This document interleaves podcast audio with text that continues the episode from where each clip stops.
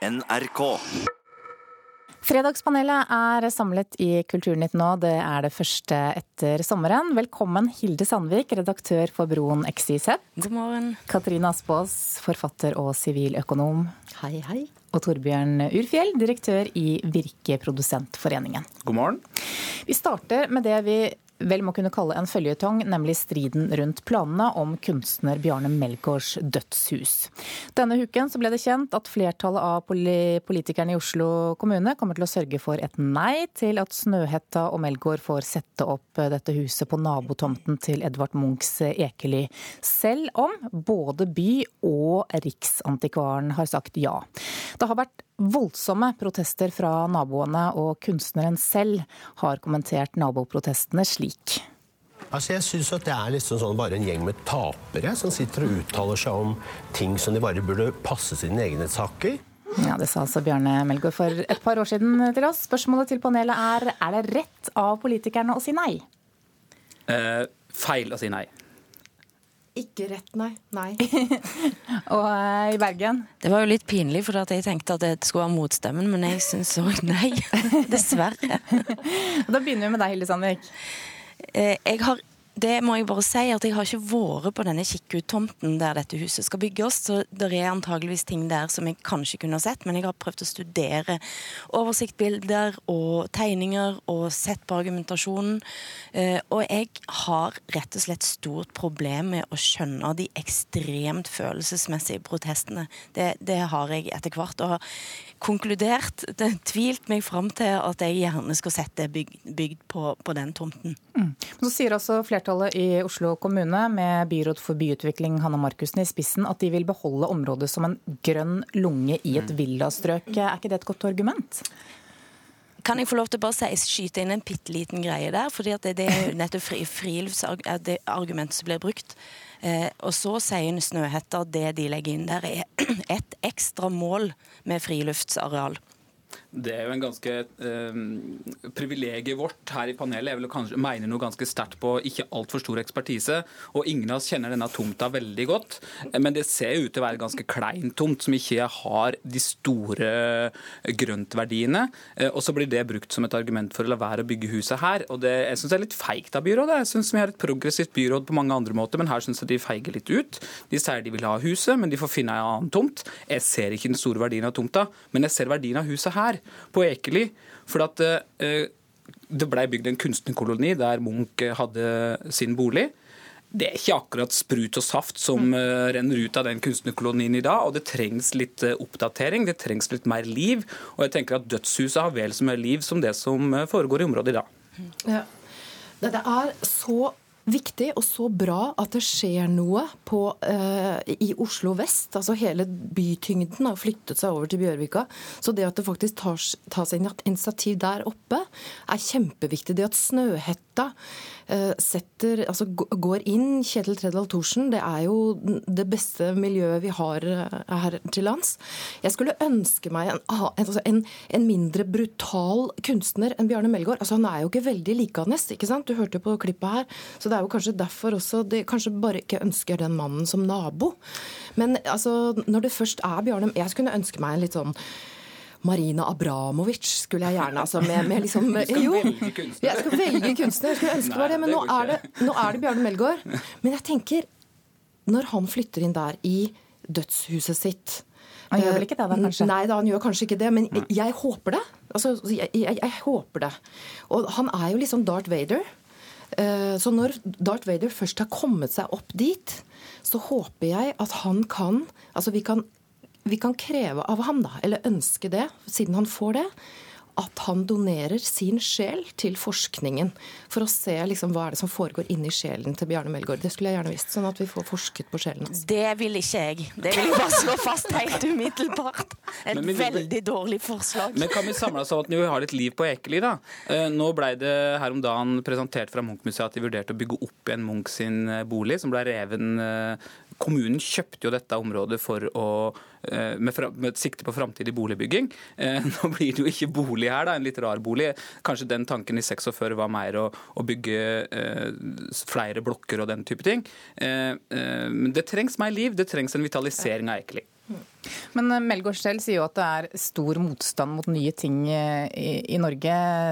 Er du enig i det, Hilde Sandvik? Ja, det er jo lett å være enig i det. Og, og det er jo litt sånn, det er et eller annet med denne type prosesser, og det er litt sånn typisk norsk omkamp, da. Det er vel kanskje det mest typiske av alt. Og så er det det med motstand. Jeg må si noe med motstand. Fordi Christian Ringnes, den gode mann Christian Ringnes og Skulpturparken, det var jo en vanvittig motstand der oppe. Og han jobbet i motvind, og det er veldig bra. Motstand er oppdrift. Christian Ringnes sier at den parken ville aldri blitt så bra hvis han ikke hadde hatt den motstanden. Så Bjarne Melgaard må skjønne det. Motstand, det er eh, oppdrift. Det er bra. Mm. Men Dere har sett bilder av dette huset. Hva, hva syns du om eh, eh, utformingen, selve utformingen, eh, Torbjørn? Det er ikke akkurat noe pent bygg, men det er jo resent. Stas. Jo pen. Ja, er, jeg, liker, jeg, liker, veldig godt de, de, elementene, men det er jo et sånn krasja omvendt stelt fly som har landa her i sota eik. Og den materialbruken der òg inne i denne skogen syns jeg ser veldig tiltalende og, og fin ut, rett og slett. Vi skifter tema. Vi skal til en sak som eh, kanskje ikke har vært varmest denne uka, men som uansett har skapt mye bråk. Norsk media og norsk presse, dere har nærmest henretta denne kvinnen. Mister jobbene sine. Alt mulig forsvinner. Og nå Per er arbeidsledig. Og hva skal jeg med Per da, hvis jeg er spion? Og han skal jobbe i selskapet mitt, så jeg skal gi han jobb. De fleste skjønner vel kanskje hvilken sak vi skal snakke om. Tidligere fiskeriminister Per Sandberg trakk seg altså etter den mye omtalte ferieturen til Iran. Dagen etter arrangerte PR-byrået Gambit et intervju for åpen scene som ble overført direkte av flere mediehus. Og spørsmålet til eh, panelet det er var det riktig å sende denne seansen direkte? Ja. Ja, og helt, helt feil. Hilde? Altså, Vi hadde jo aldri nekta å sende den seansen, men det er jo kjempeflaut. Hvorfor det? Nei, Det er pinlig av mange grunner. Eller egentlig så syns jeg det aller pinligste her er bruken av gambit, eller den måten de gjorde denne jobben på. Der sitter den tidligere ja, altså politisk journalisten Stein Kåre Kristiansen og tidligere rådgiver for Sandberg, André Kolve, og lager kose-puse senkveldintervju på og politisk sirkus. Og så står alle i kø rundt, og jeg var heldigvis ikke Jeg var ute av Arendal den dagen, så jeg fikk det ikke med med meg, men altså, hele greia er jo så flau. men det var jo mulighet til å stille kritiske spørsmål til Sandberg også?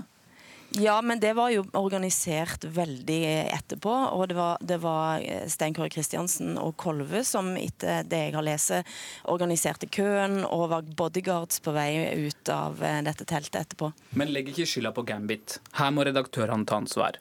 Selvfølgelig var det riktig å sende dette her, men de må jo ha vett til å slå av.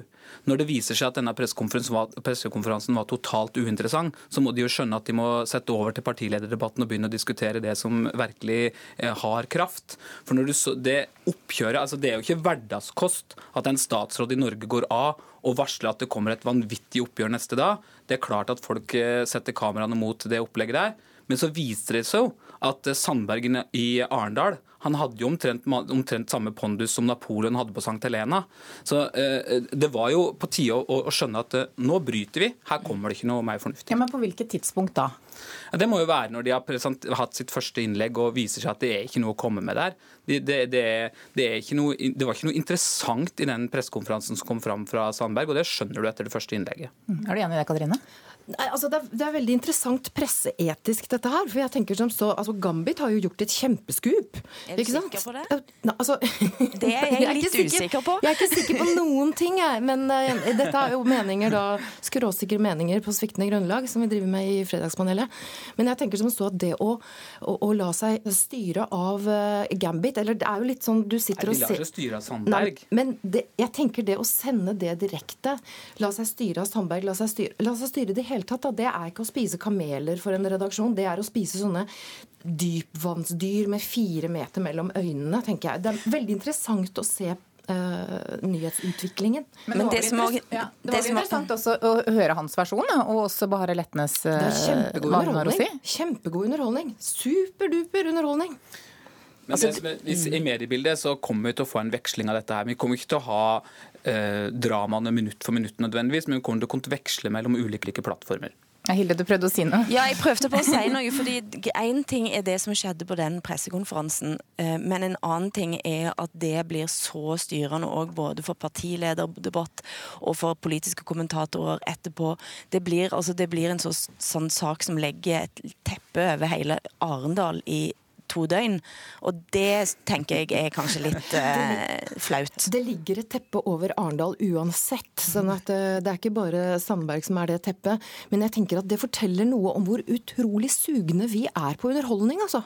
Vi, og, og, i Arendal er vi også ekstremt Ja, Arendal også. Det er jo kjempe, det er jo underholdning. Det er alle taler like høyt og ingen høyere på. Det er jo Arendals valgspråk. Altså, det er jo, og, men her var det noe som var så sexy bokstavelig talt, at vi satt med vi ville ikke se på, vi bør ikke bruke det livet vårt på det, men vi sitter liksom med fingrene litt sånn foran øynene og ser på og klarer ikke la være. Og det samme med redaktørene. ja, vi skal, jeg tror vi skal videre eh, til noe som mange er interessert i å se på, i hvert fall, nemlig dette her. Skal vi danse? Er tilbake.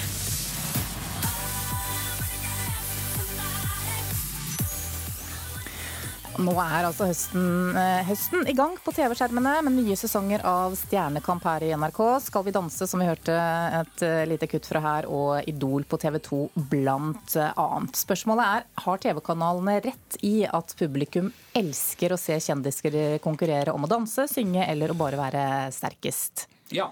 Ja. Det er jo forferdelig kjedelig å være så enig. Du er også enig? Må, jeg må si nei. Jeg må si nei, jeg, da. Du sier nei. Jeg ba, men jeg mener jo ja, men jeg må si nei. Ja, og Hvordan argumenterer du da? Jeg argumenterer med en eh, undersøkelse som jeg så for noen år siden, som handler om at uh, den, hvis du er ulykkelig, så ser du mer på TV.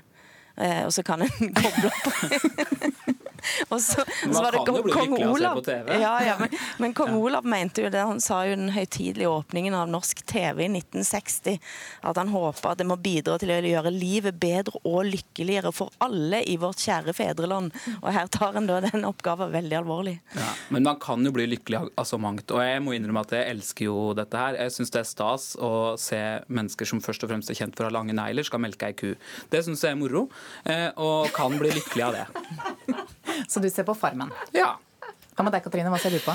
Oh, akkurat nå er det Orange is the New Black som jeg holder på med. Nei, det er ikke reality, Nei, vet du det? Jo, det er Men ja, fordi at altså det, som, det er ikke sånn jeg innrømmer å se Stjernekamp. Stjernekamp er helt fantastisk. Her er det eh, høyt begavede, fantastisk eh, godt utrustede artister som gir alt. Og enda litt til. Det står så mye på spill for dem.